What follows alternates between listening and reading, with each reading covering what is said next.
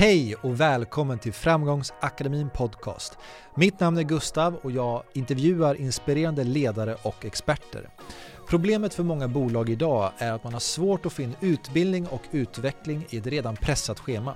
Därför har vi på Framgångsakademin skapat digitala utbildningar som du kan inspireras av och lära utav när du vill, när du har tid. Och det här är kurser inom ledarskap, försäljning och din egna personliga utveckling. Och jag vill också tipsa dig om en rabattkod som vi har just nu. Och den ger dig 20% när du tecknar 12 månader på framgangsakademin.se.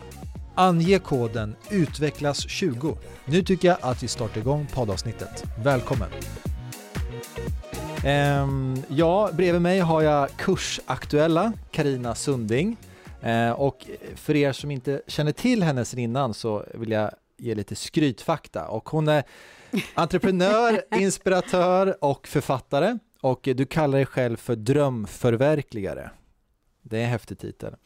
Uh, du är skapare och uh, grundare till Make It Happen. 10 steg till att forma din framtid.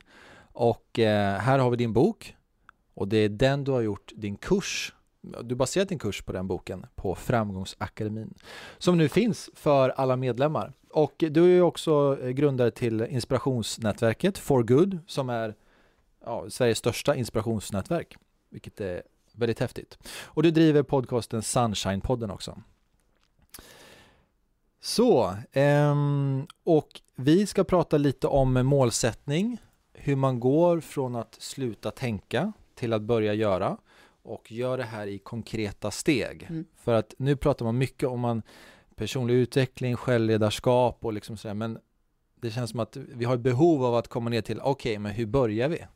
Eh, och man kan säga att det här, den här kursen är en bruksanvisning egentligen på det. Och jag tänkte att vi också skulle gå lite från kapitel 1 och neråt. Mm. För att det är Spännande. enkelt. ja. ja. ja. Eh, hur började din resa för dig, det här med att liksom forma din framtid, tänka större, visionera, liksom vad, kan du se, var det ett årtal eller var, var det någonting som gjorde att men, det var här du började? En jättebra fråga. Alltså jag tror att jag alltid har varit bra på att, utan att jag riktigt har vetat det, på att gå just från tanke till handling. Att min sträcka är ganska kort där, kommer på en idé och vill göra direkt. Eh, så det tror jag har haft med mig väldigt, väldigt länge. Sen har jag också haft en, en stark frihetslängtan mm. efter att skapa ett jobbliv som jag själv ville ha, där jag kände mig fri och jag bidrog till andra. Eh, men min resa börjar också i väldigt, väldigt mycket rädsla och jag är liksom uppvuxen med att mycket är farligt. Så jag, jag brukar kalla mig räddmodig. Jag har en sån här en balans i mig själv där jag liksom driver på, men där jag också är som många andra också kan känna igen sig ser en massa hinder och är rädd för saker. Men jag måste tydligen göra vissa grejer ändå. vad, eh, vad var det för rädslor? Och det började tidigt sa du? Nej, men det var nog eh, alltså rädslor. En liten tjej, rädd att inte räcka till, rädd att inte vara tillräckligt eh, bra, rädd att verka nervös och osäker. Alltså rädslor som jag vet jättemånga av oss känner igen oss i. Men någonting hos mig, jag har också haft en väldigt, väldigt stark inre kompass. Så någonting i mig har också fått mig själv, alltså jag blir typ provocerad av det där. Så någonting har fått mig att hela tiden utmana mig själv med grejer som jag kanske egentligen inte tror att jag kan. Just det, ja. Och det där är intressant, det är ja. spännande, så ja. det är lite gasbroms i mig. Verkligen, för att den gasen har du ju använt då för att komma över dina rädslor. Att säg att man är prestationsbaserad liksom, eller sådär, då har det också varit en på ett sätt positiv eh, effekt i det. Och vi hade ju ett, ett eh, event igår, då pratade vi om det här med utbrändhet och liksom var, var är balansen? Och det, det, är svårt alltså. Det är, det är jätte, jättesvårt, mm. verkligen. Mm. Och jag har ju också varit eh, på den platsen när det blev för mycket. Eh, så att det är en otrolig balansgång i livet. Och jag tror det handlar väldigt mycket om också att känna Alltså det är ju lättare att eh, kanske bli utbränd och må dåligt om man både presterar och kanske inte riktigt känner att man är på den där platsen man vill vara.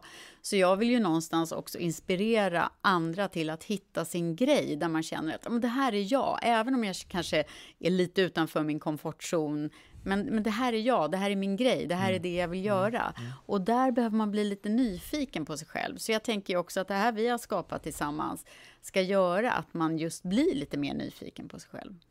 Och den där känslan, den känner man ju direkt när, när det känns bra. Det är ju svårt att Mm. liksom ja, förbise det.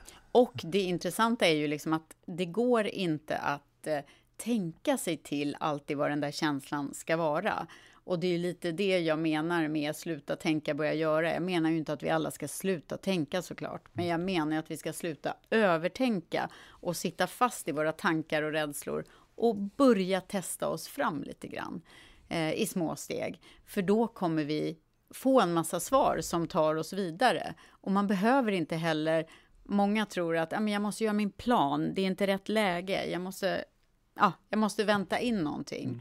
Men eh, I got news for you, det funkar inte så. Det funkar inte. Nej.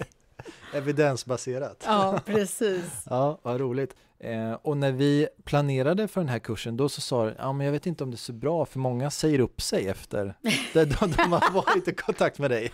Ja, precis. Ja. Jag är livsfarlig att ha kontakt med. Ja, alla. HR-chefer, liksom, Ja, det är den största fasan. Eh, men det blev en bra kurs eh, till slut och man kan ju säga också att eh, långsiktigt så är det ju bra också för om, om man jobbar på ett ställe och känner att nej, men här trivs inte jag, då kanske man inte heller bidrar till till eh, organisationen och till, till teamet man jobbar med. Så att, eh, Nej, Men jag tänker att det här ska vara en kurs där man tar ut riktningen på sitt jobbliv. Och eh, har man en bra arbetsgivare, då vill man ju stanna där och man känner att man kan utvecklas och få bidra och känner meningsfullhet.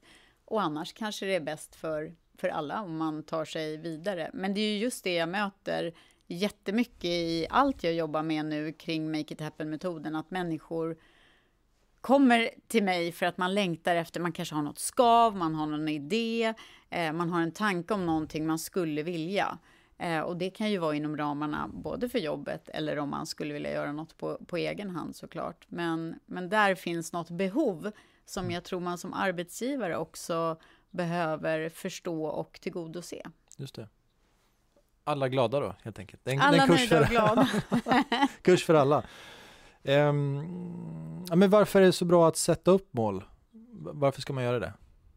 Men sätta mål, för mig är det otroligt motiverande att sätta mål. Men det jag märker det är att många sätter mål som är ganska stora och långt bort.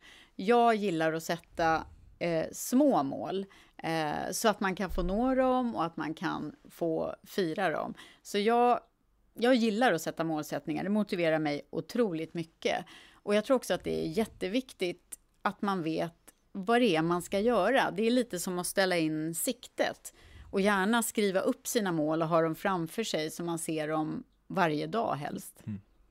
Så det är lite så här påminner. Sen brukar jag utmana mig själv. Så jag brukar alltid sätta ett mer utmanande mål ovanpå det vanliga målet som jag brukar kalla ett visionsmål. Och det sätter jag bara för att, liksom stretcha på mina tankar lite grann. Och tänka att ja, men om allt vore möjligt, om jag liksom överdriver det här målet, vad vill jag nå då? Och det kan också vara lite så här lockbete för hjärnan, tänker jag. Och sen kan man också bryta ner dem åt andra hållet till minimål. Att man bryter ner sitt mål till ett dagligt mål eller ett veckovist mål. Men jag tycker det är kul och det ju, finns ju inget bättre, eller hur, att känna när man når ett mål och så få fira på det. Ja, verkligen.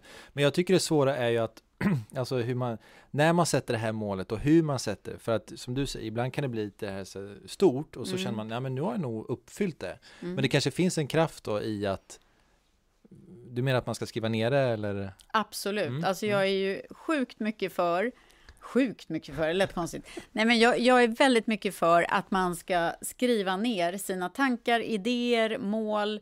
Eh, och jag tror att börjar man bli medveten också om alla sina idéer och skriver ner dem så får de fäste på ett helt annat sätt. Och det finns forskning som bevisar det också, att när vi liksom tänker på något använder vi en, ena hjärnhalvan, den kreativa högra. Och skriver vi ner det, då använder vi också den logiska delen, eh, den andra hjärnhalvan. Eh, och dessutom börjar vi berätta om våra mål och våra drömmar och planer för andra, då är det ännu, ännu större chans och möjlighet att de slår in. Mm. Eh, Så att det är också häftigt att ta med sig folk på resan, att kanske hitta en, en goal partner det, när man tar kursen. sig Ja, mot precis. sitt mål. Ja, Mm. ja. Har du något sånt mål idag som du har liksom framför dig?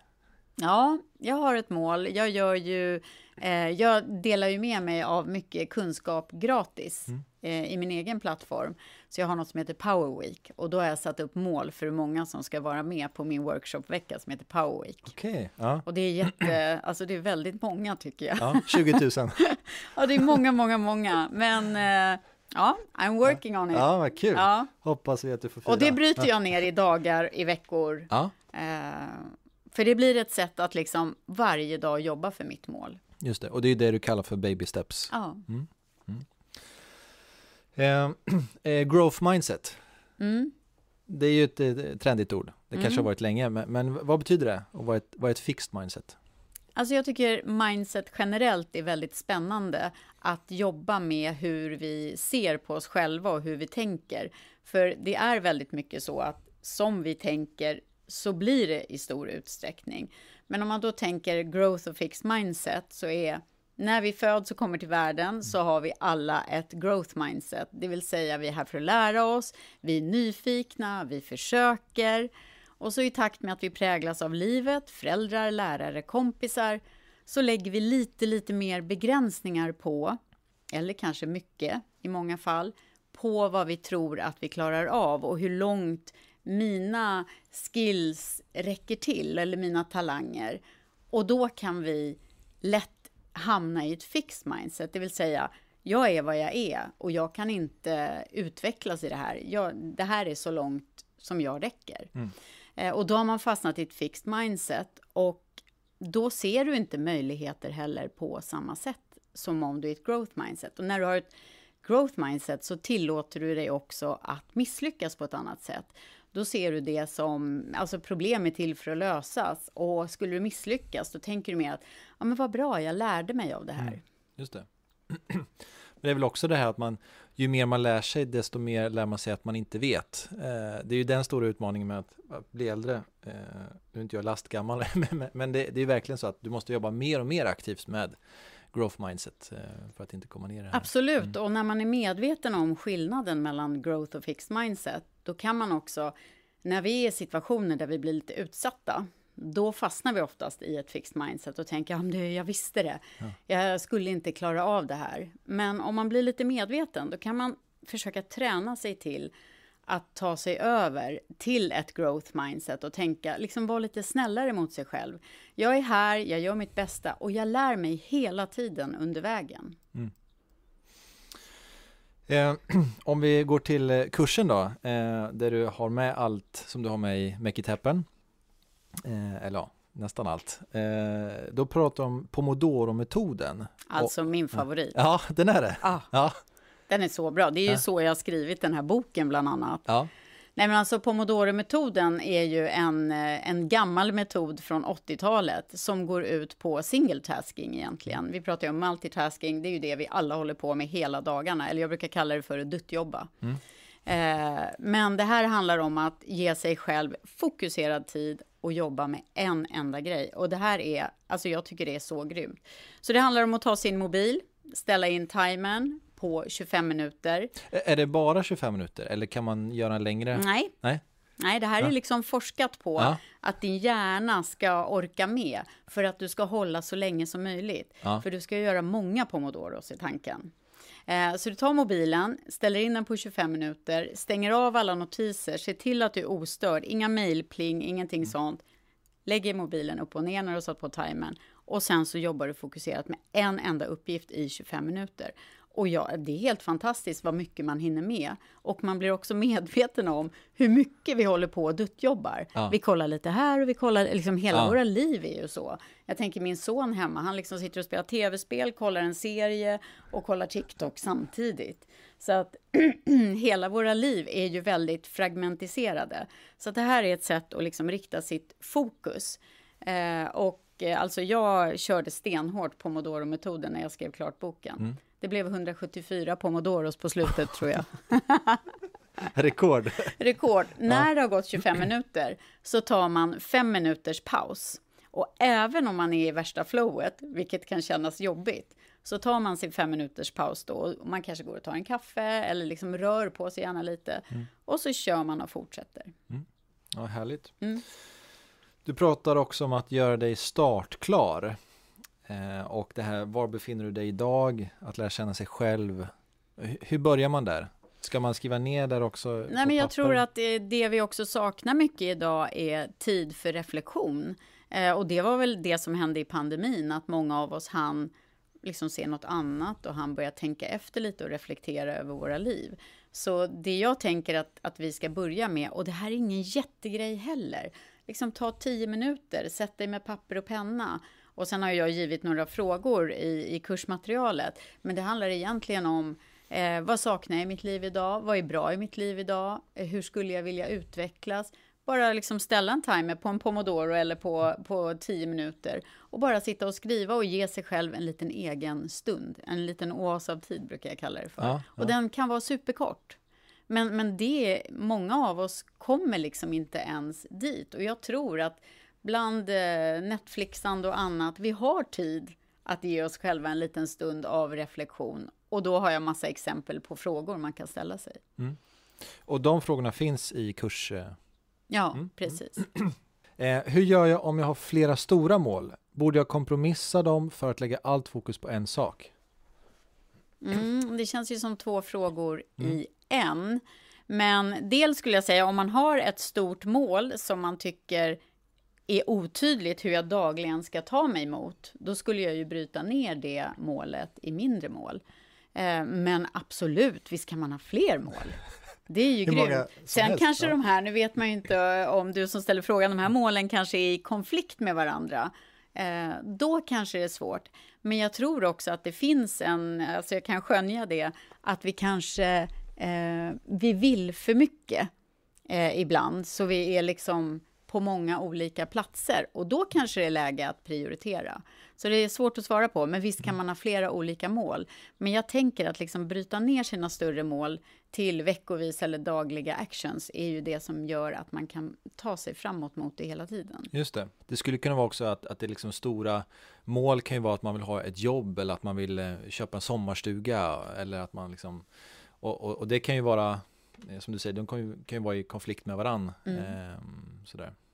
Men jag tänker också så här, när man sätter mål, mm. eh, alltså för mig är att jag vill ha ett nytt jobb, det är en önskan. Ett mål är eh, specifikt. Eh, det här datumet vill jag ha den här typen av jobb. Eh, och varför vill jag det? Alltså att ett mål ska vara positivt laddat. Och det här är ett vanligt fel som jag tror många av oss gör. Mm. Att vi sätter målen för fluffigt och luftigt. Eh, då är det en önskan om att byta jobb. Så man behöver bli mer konkret och sen tänka vilka actions man kan ta framåt. Kan jag skriva ner idag tio drömarbetsgivare som jag har? Kan jag kontakta en i veckan?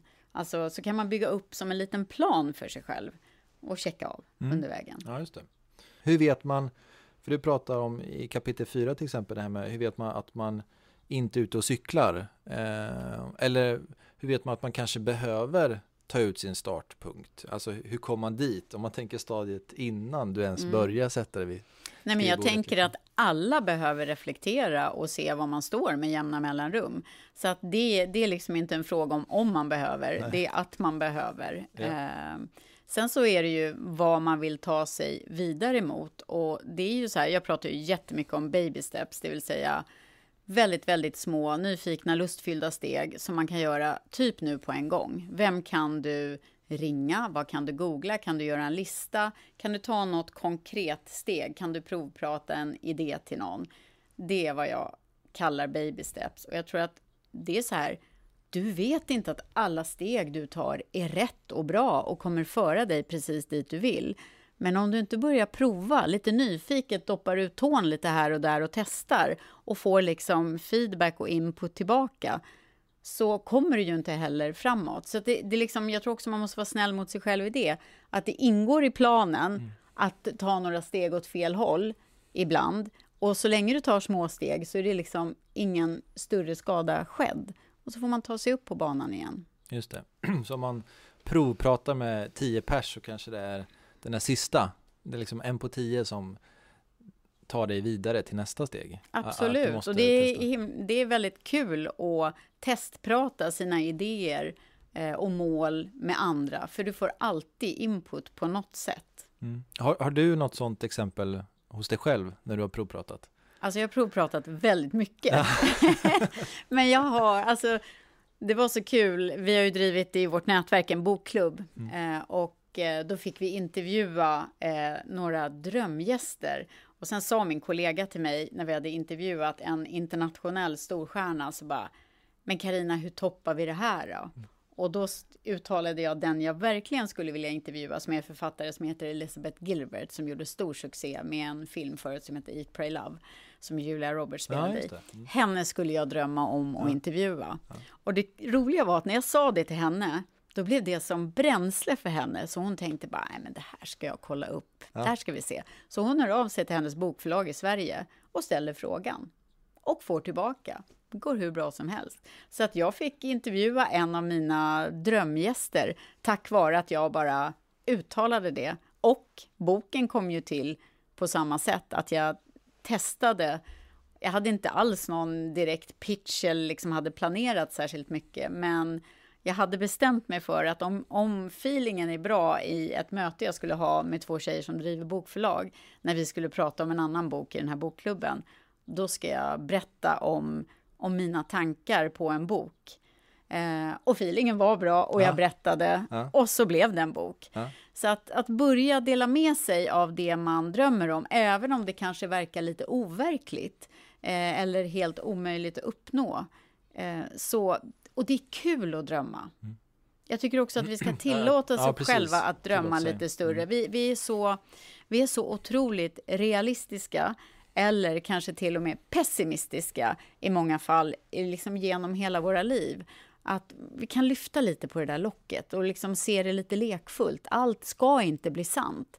Men det är kul att tänka, hur skulle det vara? Och, jag menar, det var som jag var med i Hälsorevolutionens podcast, så frågade jag Maria Borelius, ja, men jag skulle vilja åka ut i rymden. Och så började vi prata om det och så födde det andra. Alltså, förstår du? Alltså, ja. Det är ganska roligt ja. att eh, tillåta sig att eh, leka med olika drömmar. Ja, och vissa drömmar känner man ju att ja, men det hade varit kul att göra, men det är inget man känner att man behöver kämpa för. Alltså, att säga att man vill ut, och, ut i rymden, det, det vore ju kul, men det är också det kan vara en tillfredsställelse bara att leka med tanken. Och, Leka med tanken och det kanske är att man gör något litet på det spåret. Mm. För att ja, men jag är intresserad av det. Man kanske går till Observatorielunden och tittar mm. på, på rymden i sina fantastiska stjärnkikare. Eller lägger sig liksom utomhus på den där stjärnfallsnatten och mm. tittar. Mm. Alltså det kan ju vara att det föder någon liten grej. Men eh, roligt att tillåta sig att drömma tycker jag. Mm. Härligt. På tal om drömmar eh, rädslor. Mm. eh, det är de som står i vägen. ja, precis. Eh, för det pratar du om mycket, det här med hinder på vägen och, och, så möter du dina rädslor. Vad är det du möter när folk kommer till dig när du coachar dem och säger, mm. vad är liksom topp tre rädslor? Eh, jag är inte tillräckligt erfaren. Eh, jag har inte tillräckligt mycket utbildning. Eh, jag är inte tillräckligt smart, det är fler. Jag är mm. för gammal. Eh, jag är inte verbal. Alltså vi har otroligt mycket rädslor med oss. Och när man börjar, och de här rädslorna, de kommer ofta långt tillbaka ifrån. Från när man är liten. Det kan vara vad någon har sagt till en i, i skolan eller vad som helst. Någonting man har upplevt. Men när man börjar titta närmare på de här rädslorna så är de oftast inte sanna. Alltså det är så här aha moment. Utan det är liksom, vi har cementerat in dem som sanningar i oss själva. Eh, men sen när man börjar titta och leta efter bevis för de här tankarna så är det ofta så att de inte är sanna. Och då kan man liksom jobba om dem och försöka jobba bort dem. Och det är ett konstant jobbande, mm. men det är ändå en liten aha-upplevelse att se att det här jag går och tror om mig själv, det kanske inte stämmer. Eh, tips på hur man kan eh, ja, överkomma bluffsyndromen? Mm. Alltså för det första så tänker jag att alla har mer eller mindre en släng av den här sjukan. Mm. Eh, är den liksom uh, beroende på, alltså är det ålder eller? Uh, alltså jag skulle säga att uh, ju mer presterare man har i sig, desto mer har man det. Och sen är det väl att den, den förekommer liksom i utsatta situationer. Eh, när man känner att man är liksom ute och testar lite. Alltså eh, ett exempel är så här, eh, att man får ändra sitt sätt att tänka lite. Så här, kommer jag in i ett rum ja men wow vad alla är smarta här inne. Jag passar inte in här, jag är liksom inte tillräcklig. Och liksom försöka då vända till ett growth mindset och tänka wow vad alla är smarta här. Jag kommer lära mig jättemycket. Och jag tycker också ett sätt att tänka är att tänka att man hela tiden bidrar med sitt bästa. Om jag gör mitt bästa utifrån vem jag är, vad jag kan bidra med, mina erfarenheter, mina skills, då är det gott nog. Så det handlar om att vara lite snäll mot sig själv. Och sen så är det så där, ibland så tror jag man kan förväxla rädsla med pirr också. Så man kan mm. också tänka så här, ja, men känner jag mig verkligen som en, en stor bluff i det här? Eller är det liksom, är jag lite, det kanske är liksom pirr och förväntan. Man kan försöka byta mm. känslan lite grann. Men jag vet precis hur det är att känna sig som en stor bluff och som jag mm. skriver om i boken, när eh, jag blev marknadschef på TV3 när jag var 28 år. Då tyckte inte jag att jag var värd det jobbet. Så när det, för jag tyckte så här att de hade letat efter någon annan och så hittade de ingen, så tänkte de så här, ah, men då får vi väl ta Karina då. Ja. Ungefär så kändes det för mig. Ja. Så när det skulle så här, tillkännages på TV3s kontor, då såg jag till att inte vara där. För jag kände att jag kunde liksom inte ta emot eller se folk eh, reagera på det. Så jag var på vårt huvudkontor i London då och liksom typ... ja, men precis, låtsades som det regnade och tyckte inte att jag var värd det. Ja. Så att eh, jag känner verkligen igen mig i den känslan. Um, mm. Mm. Du har ju flera diagnoser som, ja. eller, som du pratade ja, om. Ja, jag har en släng av allihopa. Nej, men det var kul. När jag gjorde research för boken ja. så såg jag att det är många av de här rädslorna som vi känner allihopa. Eh, och det är olika syndrom som liksom gör att vi håller oss tillbaka. Och eftersom jag är, är ganska intresserad av eh, hypokondri, läkarkonster och sånt, så tänkte jag, men de här finns inte i svenska läkarboken, men jag ska mm. göra dem mm. till på skoj då, diagnoser eller syndrom. Mm. Och det är allt ifrån uppskjuta sjukan, kanske någon känner igen sig i. Mm, Gör du det mm. Gustav? Eh, ja, ja, ja, ja. Jo, men det, den förekommer ofta. Ja, den eh, förekommer ofta. Ja. Det, det, det är ju typ det här att eh, man är så laddad på någonting man ska ja. göra, sätter sig ner och ska köra igång. Och sen helt plötsligt så tittar man på klockan så har det gått 40 minuter och så har man kollat vad man ska äta till middag, man har varit inne på Hemnet och ja, mm. lite mer sådana mm. saker. Mm. Så det är ju ett sådant syndrom och det är ju helt egentligen väldigt mänskligt. Det är liksom ett sätt att släppa på stressen och, och skjuta upp saker. Men sen så har vi ältaren, den här som liksom tänker mycket bakåt, kanske gör en, en höna av en fjäder och liksom fastnar lite i dåtiden. Mm. Och det finns ju lite en anledning till att framrutan är större än backspegeln. Eh, så ja, det kanske inte tar oss så mycket framåt. För, för många kanske kan alltså förknippa reflektion som är så viktigt mm. med, med att älta eller liksom var, var balansen går där. Mm. Har du någon sån här spontan definition på de båda? Hur kan man tänka? Vad jag älta? tror att liksom när man håller på och tänker samma tankar hela tiden eh, och inte kommer vidare, eh, det, är inte, det är liksom inte reflektion. Eh, och jag möter många som sitter fast i sina tankar. Eh, och det är lite därför vi har gjort den här kursen när jag skriver boken, för jag vill liksom hjälpa till i det här lilla, att verkligen komma vidare och visa att det faktiskt inte är så svårt och så stort. För det är också en grej, vi tänker för stort. Mm. Vi ska liksom göra små saker och, och, känslan att ta sig framåt är så obeskrivligt härlig så att du kommer mm. vilja ta nästa steg och nästa steg. Så det liksom bor så mycket motivation i det. Men det är både att tänka stort men också tänka smått. Mm. Jag tycker att, eh, att liksom skapa sin vision och drömma som vi pratade om och mm. liksom ta ut riktningen på det sättet. Det tycker jag är jättehärligt, för det är lite att programmera hjärnan att se möjligheter för det du ska, vill ska hända. Men sen att zooma ner det till de här små stegen. Jag tror att kombon däremellan är jätteviktig. Men det jag ser är att de flesta rör sig mitt emellan. Just det. Ungefär. Ja, ja. Eh, är det det som är, det är inte Seinfeld-metoden? Eh, nej, nej, nej, det är något annat. Nej, men Seinfeld-metoden ja. är ju faktiskt, eh, det är ju ett action hack som jag ja. har använt mig av. Och jag läste om det, det var en ung aspirerande komiker som kom in backstage till Jerry Seinfeld och frågade liksom, vad är hemligheten bakom din framgång? Eh, och då berättade han att han jobbar på sina skämt varje dag. Och han har en stor kalender och för varje dag han liksom har suttit ner och skrivit och jobbat så sätter han ett rött kryss där. Och det enda jobbet sen är att inte bryta kedjan. Att fortsätta hela, hela, hela mm. tiden. Det är samma skämt? Nej, det kan nej, det väl ändå nej, inte vara. nej, nej, jag, kan väl inte skriva samma skämt. Jag tänkte att Nej, han men alltså just att han Han liksom på aldrig blir fullärd. Mm. Han liksom fortsätter att jobba på sitt innehåll hela, hela, hela tiden. Och när jag skulle skriva boken Mm. så var det sommar, det var sol, det var härligt. Man bara, åh, vi ska på det landstället och vi ska göra det och alla barnen och hej och hå. Jag bara, mhm, när ska jag skriva bok egentligen? Man kanske ska skriva måndagar och tisdagar. Nej, då skulle vi dit. Så jag kände så här, det kommer inte bli någon bok. Ja, Så då tänkte jag så här, okej, jag döper den här som jag läste om till Seinfeld-metoden och nu ska jag testa den själv. ja. Så jag körde Seinfeld-metoden hela sommaren i 48 dagar skrev jag på min bok i pomodoros. Mm.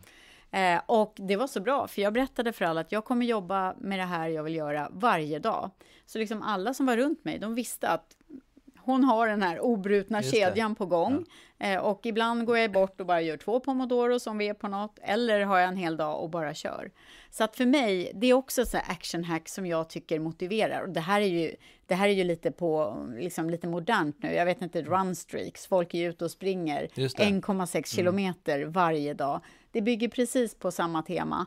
Och ju längre du kommer med det här, desto mer motiverad blir du ju. För har du gjort det här nu, jag menar om vi tänker jag det, när jag har gjort det i 46 dagar och hade som mål att göra det i 48, det finns ju inte en chans i världen att jag inte kommer Nej, nej, fullfölja nej. de sista dagarna. Men vad händer om jag missar i mitten då? Nej, det, då? nej, men då får du börja om. Alltså Okej. det är ju så fruktansvärt så det finns ju inte på, det är liksom, och därför är det viktigt att, för mig handlar det ju om att göra någonting varje dag. Ja. Och det minsta jag fick göra var en pomodoro. Ja, just det. Så 25 minuter, det hade jag. Mm. Och satt jag då bara och stirra in i datorn, ja då fick det vara så. Det handlade om, och det handlar väldigt mycket om det när man vill utvecklas, att show up för sig själv. Mm. Att liksom göra jobbet. Just det. När du möter, men till exempel, om man tänker för företag då, Mm. alltså om vi går bort från, från individ, eh, vad ser du behöver göras? Eh, man kan vara HR-chef eller eh, ja, vanlig chef. Va, va, vad behöver man göra för att motivera sina medarbetare på det här spåret och liksom få dem engagerade? Eh, ja, vad, vad, vad tänker du? Nej, men jag tänker jättemycket leva som man lär. Eh, att man själv är intresserad av eh, sin egen utveckling och personlig utveckling. Eh, så att det genomsyrar. Och sen handlar det ju själv om att leda istället för att chefa. Det vill Mm, säga mm. att vara en inspirerande ledare. Eh, så jag tror ju jättemycket på, på lead by example, Mm. helt enkelt. Och hur har du varit med om det?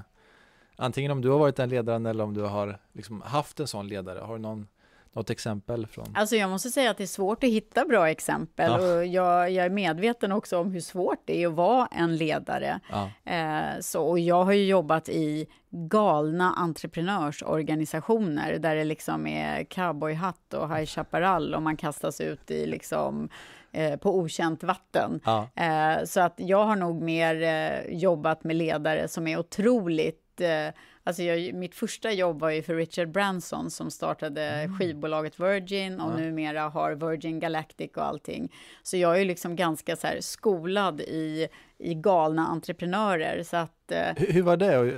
Vad var det för bolag som... Eh, nej, men jag, det var mitt första jobb. Jag Ja. fick eh, jobb på Virgin Scandinavia, hette det, och Ja. satt i växeln och svarade i telefon där. Det var liksom mitt allra första jobb efter gymnasiet. Och jag, när jag sökte, jag visste inte ens vad jag sökte jobb. Det var, det, på den tiden, låter ju som det var ages ago, det var det också. Då fanns det liksom inte Google, så det var inte bara att googla upp Virgin Scandinavia. Utan eh, det, stod, det var en, så här, en annons. Vi ser fram emot ett personligt besök på söndag klockan tre. Och vet du vad? Jag var den enda som hittade dit. Okej. Ja, så jag fick jobbet. Och sen så kom jag hem på kvällen och bara med en trave med, med skivor och böcker och grejer. Och då var det för entreprenören Richard Branson som jag inte hade en aning om då. Men det var ju helt fantastiskt att få vara med på den resan. Vad lärde du dig där? Liksom? Nej men alltså, jag tror, jag ville faktiskt få honom att skriva förordet Mm, till Make mm. It Happen, men, eh, men jag frågade till slut sen aldrig. Men alltså av honom så lärde jag mig mycket av så som jag lever själv också, att det, det är så mycket mer som är möjligt än vad vi tror. Och att eh, just det här att leda med passion. Eh, Och han är ju verkligen en sån typ av ledare eh, som, ja men han är ju så passionerad. Så det är ju så inspirerande. Så att, men jag, jag träffade honom aldrig, utan Mm. det var på, på distance. Liksom. Vi var ju ett lokalt eh, skivbolag i, i Sverige, men det var otroligt kul. Ja, ja vad roligt. Mm. Var det efter det du kom till TV3 eller? Ja, men efter det så läste jag internationell marknadsföring på Mm. högskolan och sen så efter det började jag på TV3. Mm. Och där, där gick det ju undan i, eh, verkligen. Jag började som marknads och programassistent eh, och sen så Ja, men man fick bara mer och mer och mer ansvar fram till då den stora bluffen, marknadschefen. Ja, ja. Och hur länge var du kvar där sen då? Ja, alltså vi pratade lite när du och jag träffades igår så pratade Ja. vi om det här med guldklockor och, och lite sådär. Och alltså guldklocka på TV3-tiden, alltså det var, jag tror jag hade åtta vdar under mina fem år. Eh, så att man kan säga, jag tycker man kan säga att jag nästan fick guldklocka genom att vara där nästan Ja. fem år. Ja. Ja. Du tröttade ut alla vd. Ja, jag måste ha gjort det. Och det, det är ju hemskt liksom, när, liksom vad som händer med personalen när liksom vd nummer sex eller sju kommer. Alla bara, okej, får se hur länge du stannar då. Det är jättehemskt. Stort tack för att du valde att lägga din tid på att lyssna på det här poddavsnittet. Och jag vill tipsa dig om att du fortfarande har 20% rabatt på framgangsakademin.se. Ha en fortsatt härlig dag.